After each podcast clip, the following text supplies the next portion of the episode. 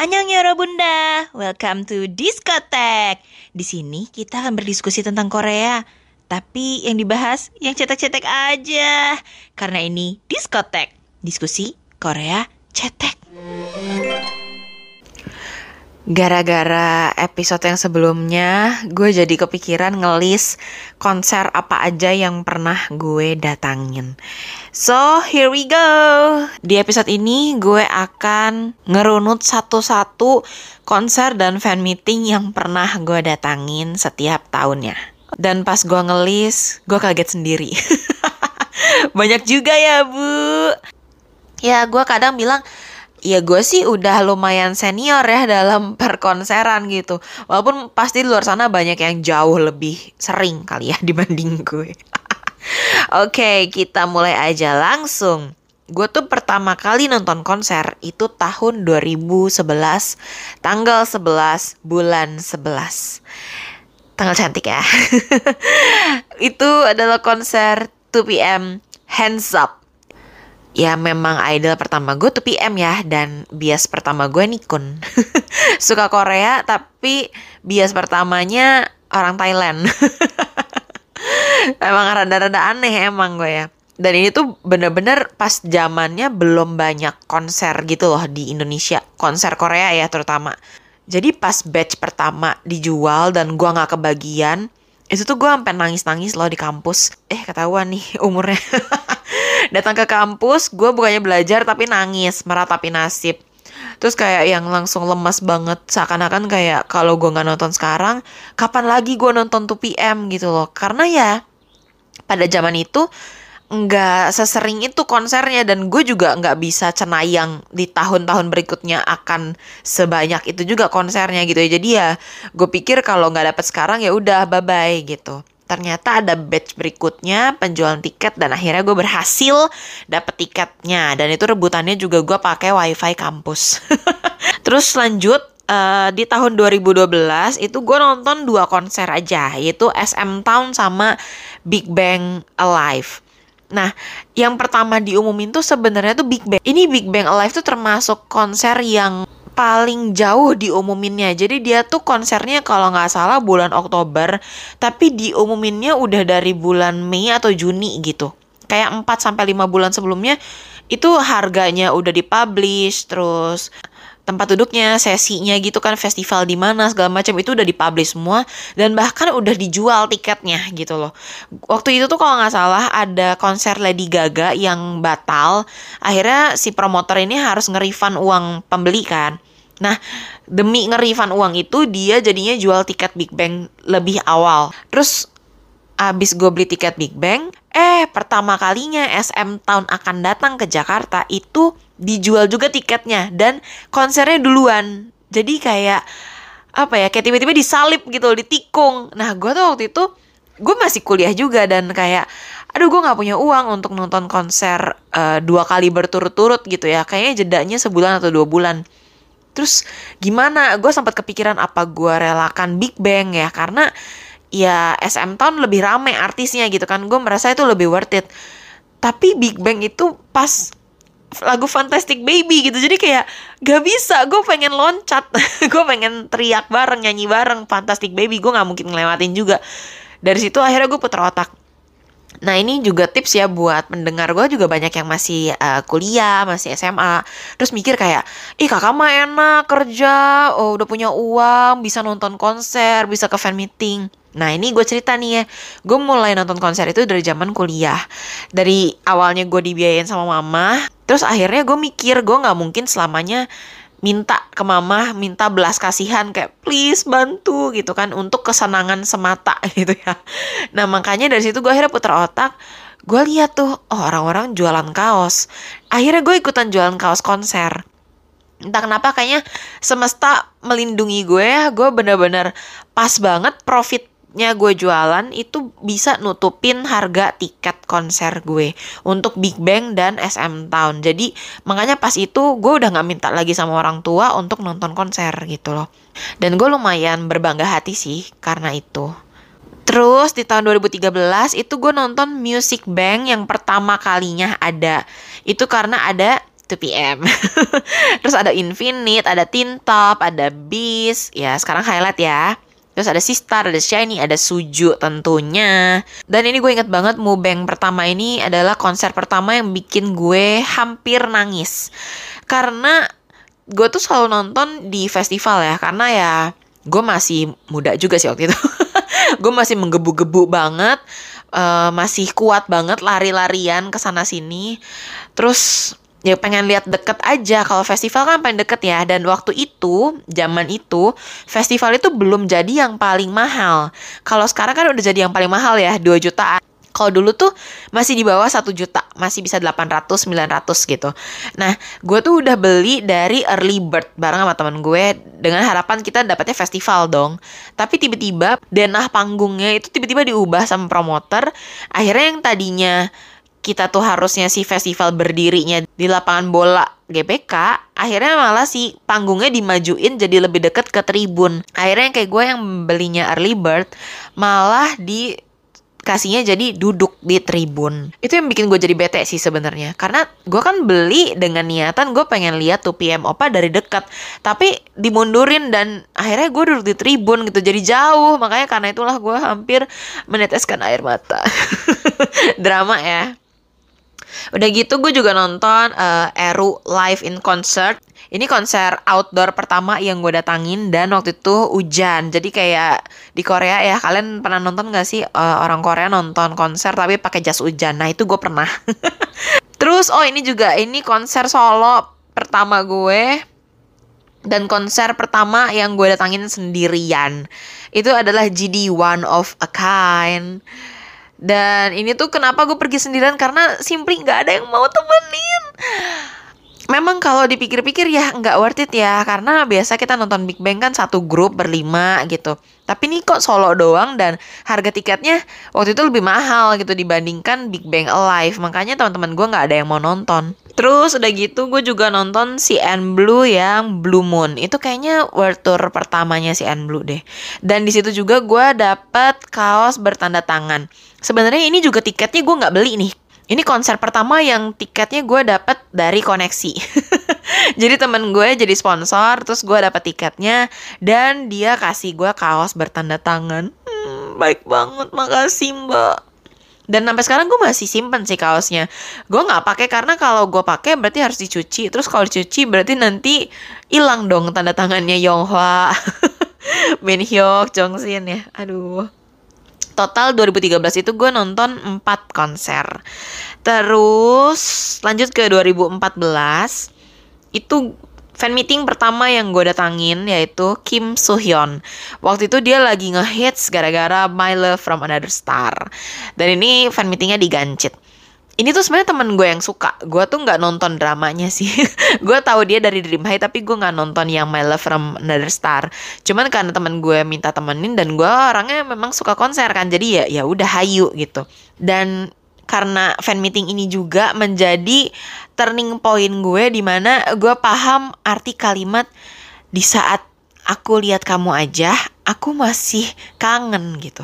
Kayak nggak puas gitu loh karena di sini gue belinya tuh bukan yang VIP tapi di belakangnya VIP biasanya kalau depan itu diamond nah gue tuh beli platinumnya. Karena waktu itu tuh harganya diamond sama platinum bedanya tuh jauh banget.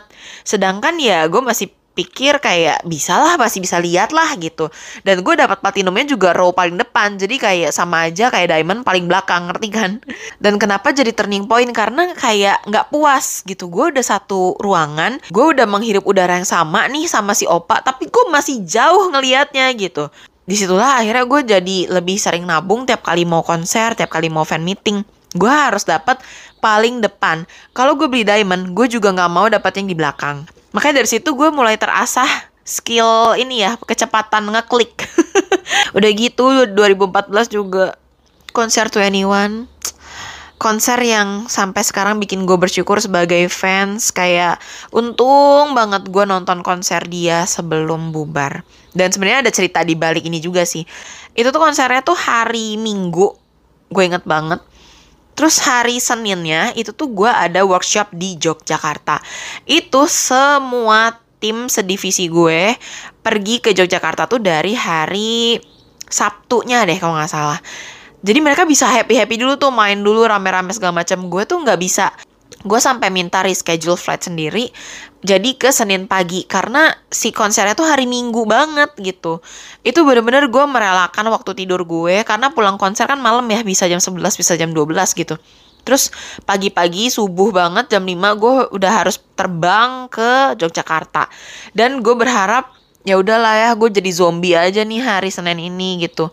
Kalau lagi seminar gitu kan kadang lampunya dimatiin gitu ya. Gue bisa lah paling belakang gue tidur aja gitu. Tapi pas gue nyampe Jogja, wow, ternyata tempat duduknya nggak yang kayak biasa ngadep depan doang, tapi ini muterin panggung, kebayang nggak? Jadi gue nggak bisa tidur.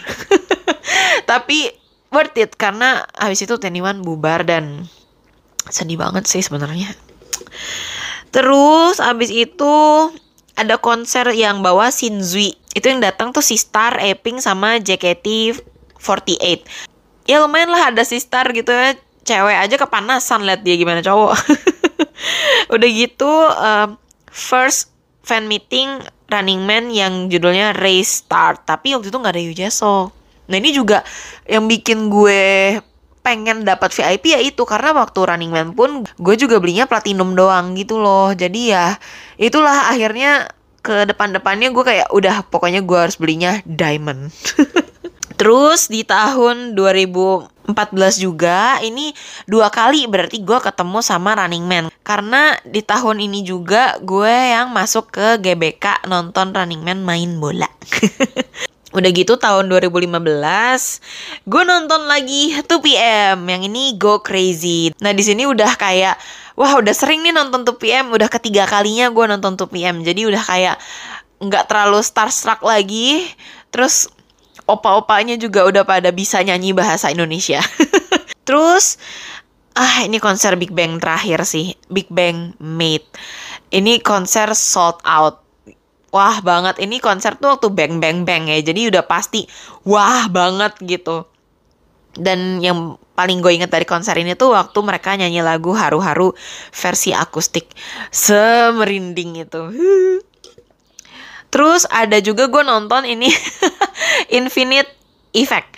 Jadi sebenarnya gue nggak terlalu ngefans sama Infinite tapi waktu itu tuh kayak eh ngapain ya hari Sabtu? Terus udah lama nih nggak konser kita konser yuk gitu. Terus gue iseng aja sama temen gue datang ke tempat konser terus dapat aja tiketnya gitu. Terus padahal ya gue sih tahu ya personilnya siapa aja lagunya eh uh, ya paling tiga lagu lah gue tahu.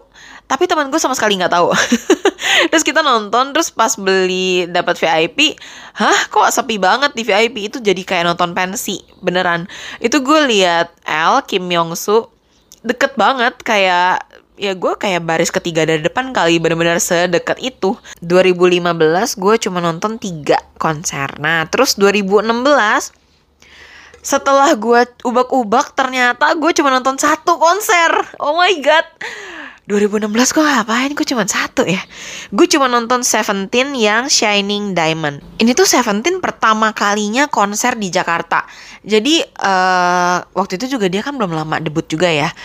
Nah ini tuh gue nggak beli tiketnya gue tuh dapat dari temen yang jadi sponsor. Makanya gue juga bisa jadi foto bareng sama mereka kan. Nah ini juga sama. Gue tuh waktu itu belum kenal Seventeen. Gue sampai nanya sama temen gue yang ngefans sama Seventeen. Ini Seventeen ada siapa aja? Udah mah ada 13 orang ya.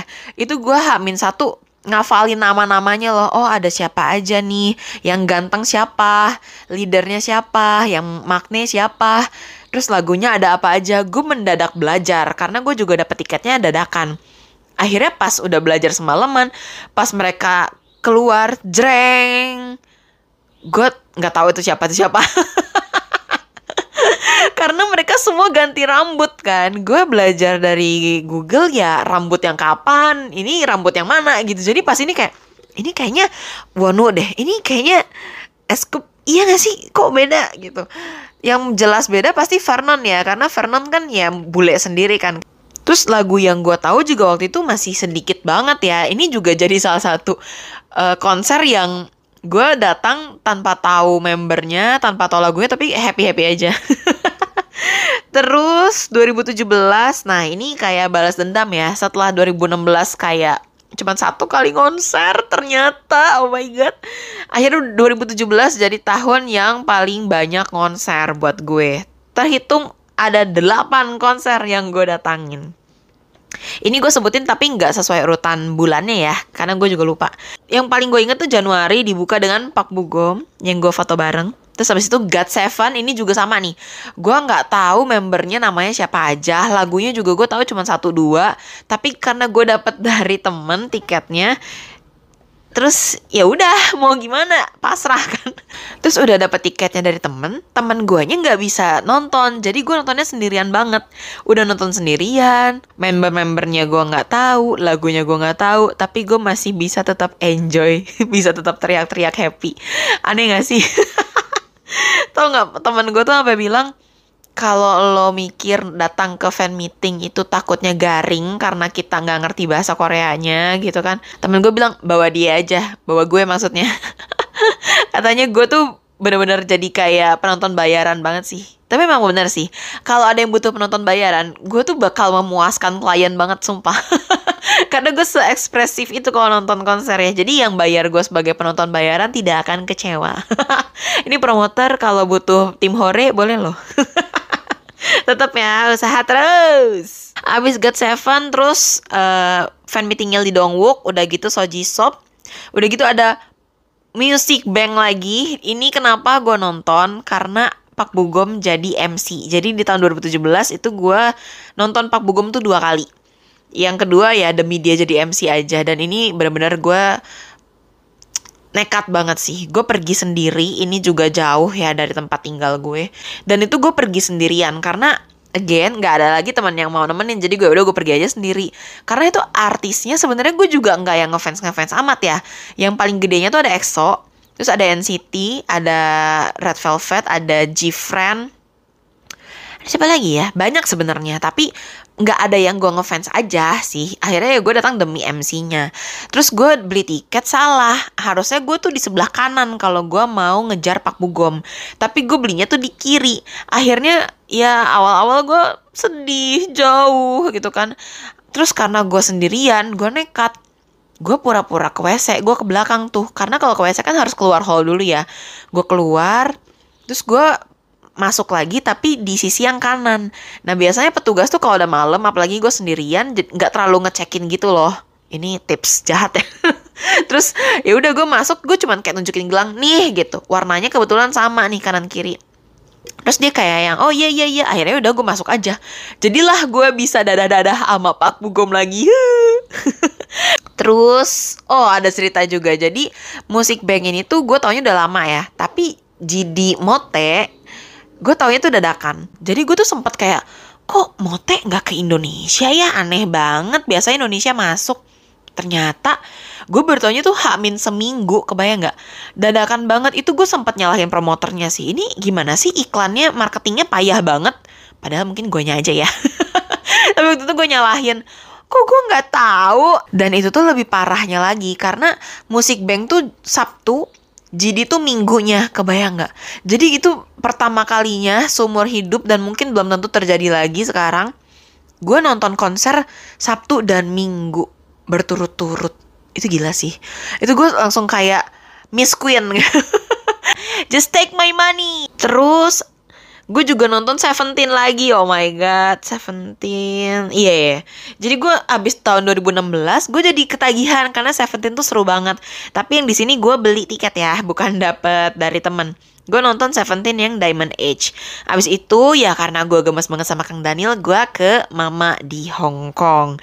Makanya total ada 8 terus di tahun 2018 itu gue nonton pertama tuh dibuka dengan One One Fan Meeting di Jakarta gemes. Terus udah gitu gue juga nonton Twice yang Fantasy Park. Itu juga seru banget. Terus oh ini juga sih kegilaan gue sih. Gue suka banget sama Blackpink. Dan waktu Blackpink Lisa ke acara Shopee pertama kalinya banget nih Blackpink bakal ke Indonesia dan cuma Lisa doang. Itu gue sampai bela-belain beli merchandise-nya. Jadi waktu itu kalau nggak salah tuh beli merchandise terus bisa datang gitu kan itu pas lagi weekdays. Jadi gue sampai cuti. Padahal Lisanya nggak nyanyi nggak ngedance nggak ngapa-ngapain cuma bagi-bagi hadiah doang. Udah gitu Blackpink Shopee yang full team itu juga gue izin pulang kantor lebih cepat ngibrit ke Sentul lagi hujan macet luar biasa ya perjuangannya demi Blackpink yang nyanyi kayaknya tiga lagu deh. Dan itu anehnya acaranya tuh si Blackpink di awal. Jadi begitu Blackpinknya selesai ya udah langsung bubar aja langsung kosong gitu tapi ya kalau gue karena gue suka konser gue tetap stay di situ dan gue tetap enjoy aja nontonin artis lainnya artis Indonesia lainnya terus udah gitu ini bisa dihitung konser nggak ya yang acaranya Cha Eun Indonesian Televisi Awards itu juga 2018 soalnya. Sama terakhir Mama Hong Kong lagi. Dan abis nonton Mama tahun 2018 itu juga gue berjanji sama diri sendiri dan teman gue. Gue bilang, udah ya ini konser Mama terakhir kita ya. Uh, karena ya kita juga bosen ya dua kali berturut-turut ke Hong Kong mulu nih. Sampai di Disneyland Hong Kong aja udah ya gini lagi gitu. Kayak udah bosan banget. Jadinya udah ya habis ini kita kejar konser yang lain aja gitu. Kalau bisa ya konser di Koreanya atau konser di Singapura gitu atau gimana. Dan ternyata ya bener aja ya abis 2018 terus 2019 nya nggak ada mama di luar Korea gitu bener-bener timing gue pas banget sih buat nonton konser mama terus di 2019 ini tahun terakhir gue nonton konser ya karena abis itu kita semua mengalami pandemi. Hicks. Ini 2019 dibuka dengan Blackpink in your area. Nyebelin ya. Ini wah banget sih. Wah banget. Gila banget rebutan tiketnya juga luar biasa sampai dua batch. Gue inget banget. Tapi memang sekeren itu. Percayalah guys kalau kalian nonton uh, eh, YG Family konser itu nggak akan rugi karena konser Big Bang konser Blackpink ya icon winner walaupun gue nggak nonton ya tapi gue percaya mereka tuh semua nyanyi live dan bandnya pun live dan semua lagunya hampir di aransemen ulang. Jadi bener-bener kayak kita tuh dapat special version dari lagu-lagu mereka gitu loh. Nggak akan rugi sama sekali. Terus di tahun 2019 juga terima kasih Pak Bugom datang lagi sebelum pandemi dan yang kedua kalinya ini fan meeting itu agak sepi ya mungkin karena drama yang kedua ini kan yang sama Song Hye Kyo nggak terlalu wow ya gitu sampai waktu di fan meetingnya aja Pak Bugom nyanyi lagu yang di Encounter nggak banyak yang tahu gitu akhirnya dia nyanyi lagu yang di Love in the Moonlight lagi Terus udah gitu gue juga nonton Super K-pop Festival. Ini kayaknya karena gue udah bosen pengen konser ya udahlah yang ada aja. Kebetulan lumayan ada Suju DNI, terus ada Kyohyun juga, ada New East, ada Ha Song Woon. Itu kan kayak lulusan produs semua ya teman-temannya Kang Daniel. Terus ada Red Velvet, terus ada Tiffany SNSD, ada Momoland, ada The Boys ya lumayan lah ya. Terus udah gitu ini juga salah satu artis yang gue tidak tahu membernya siapa aja dan lagunya juga gue bahkan nggak tahu sama sekali yaitu Pentagon. Ini gue dapat tiket dari temen gue dia sponsor tapi nggak ada temen buat nonton. Terus karena gue anaknya gampang banget diajak mana-mana jadi gue kayak ya hayu aja gitu. Akhirnya ya karena tiket sponsor ya lumayan agak depan. Walaupun ya nggak terlalu tengah tapi lumayan lah. Terus pas akhir si Pentagonnya tuh tos-tosan gitu. Jadi gue dapet tos-tosan sama semua membernya. Jadi kayak apa ya kadang di saat gue nggak ngefans ngefans amat malah dapat ketiban rezeki gitu loh. Kadang di saat kita yang ngefans banget kayak nggak dapet dapet gitu. Kayak nggak puas puas ya kadang memang segitu aja ya hokinya. Tapi ngefans sama An hmm, hoki banget terus yang terakhir konser di 2019 yang menutup tahun dan menutup perjalanan konser gue sebelum pandemi itu adalah Ayu. Gila sih ini konser solois cewek satu-satunya yang gue tonton dan luar biasa sepanjang konser gue merinding. Parah, suaranya bagus banget. Live nyanyinya, live bandnya. Dan dia bener-bener uh, random ya karena kan dia konser dua hari kan. Gue tuh nonton di hari pertama. Terus pas gue lihat temen gue nonton di hari kedua lagu yang di encore tuh beda yang dinyanyiinnya. Sesuai sama request fans di hari itu. Jadi ya uh, seru banget lah. Dan Ayu tuh kocak banget gitu. Dia kayak jujur e, bentar ya mau ganti baju dulu boleh kan? Gitu lucu ya. Gue happy banget sih itu suara Ayu ya luar biasa. Sampai pas gue nonton tuh sebisa mungkin gue mendingan tutup mulut deh. Biar gue dengerin aja biar gue videoin juga. Biar yang lihat video gue ya enjoy suara Ayu aja. Nggak kayak Rosa kemarin ya. Dan lagian di konsernya Ayu itu juga ini ya penjagaannya ketat banget dibandingin konser lain gitu. Pas konser Ayu tuh bener-bener nggak boleh ngevideoin sama sekali. Jadi jarang banget tuh yang angkat tangan pakai HP ngevideo gitu tuh nggak ada lah. Gue ngevideoin juga lumayan sembunyi-sembunyi. Terus habis itu ya pandemi sedih. Dan akhirnya gue nonton dibuka dengan Rosa ya kemarin. Terus kalau di total-total ini gue hitung untuk konser Korea itu gue sudah nonton 34 konser dari tahun 2011 sampai 2019. Luar biasa, tepuk tangan.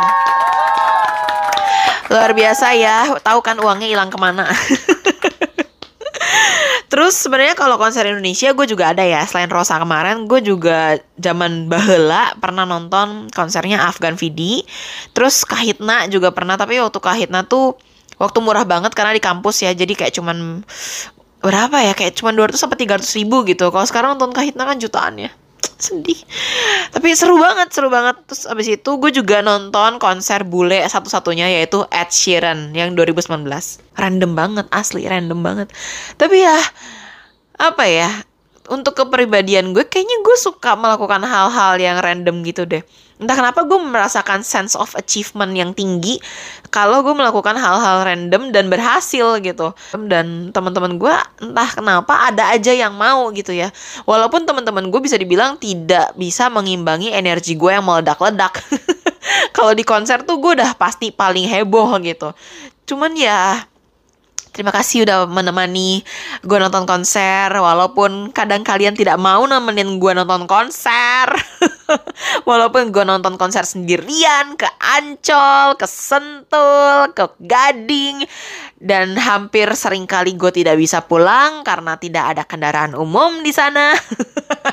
Kok jadi kesel ya? Tapi uh, apa ya gue melihat perjalanan hidup gue di masa muda gue menyenangkan. Terima kasih untuk para K-pop idol, para aktor yang sudah datang ke Indonesia buat konser, buat fan meeting. Terima kasih sudah mewarnai hidup gue masa-masa muda gue kayaknya puas banget karena kayak Anhyosop ya gue juga nggak pergi ke klub jadi ya partinya gue itu di konser gitu mungkin kalau orang lihat gue loncat-loncat joget-joget di konser mungkin pikir gue anak party gitu ya. Tapi gue bener-bener jauh dari kehidupan itu. Ya gue happynya di konser aja gitu. Makanya sekarang udah mulai dibuka nih bordernya gitu kan. Udah mulai banyak fan meeting yang akan datang ke Indonesia konser juga. Jadi ya Jakarta I'm ready! Gue kayak artisnya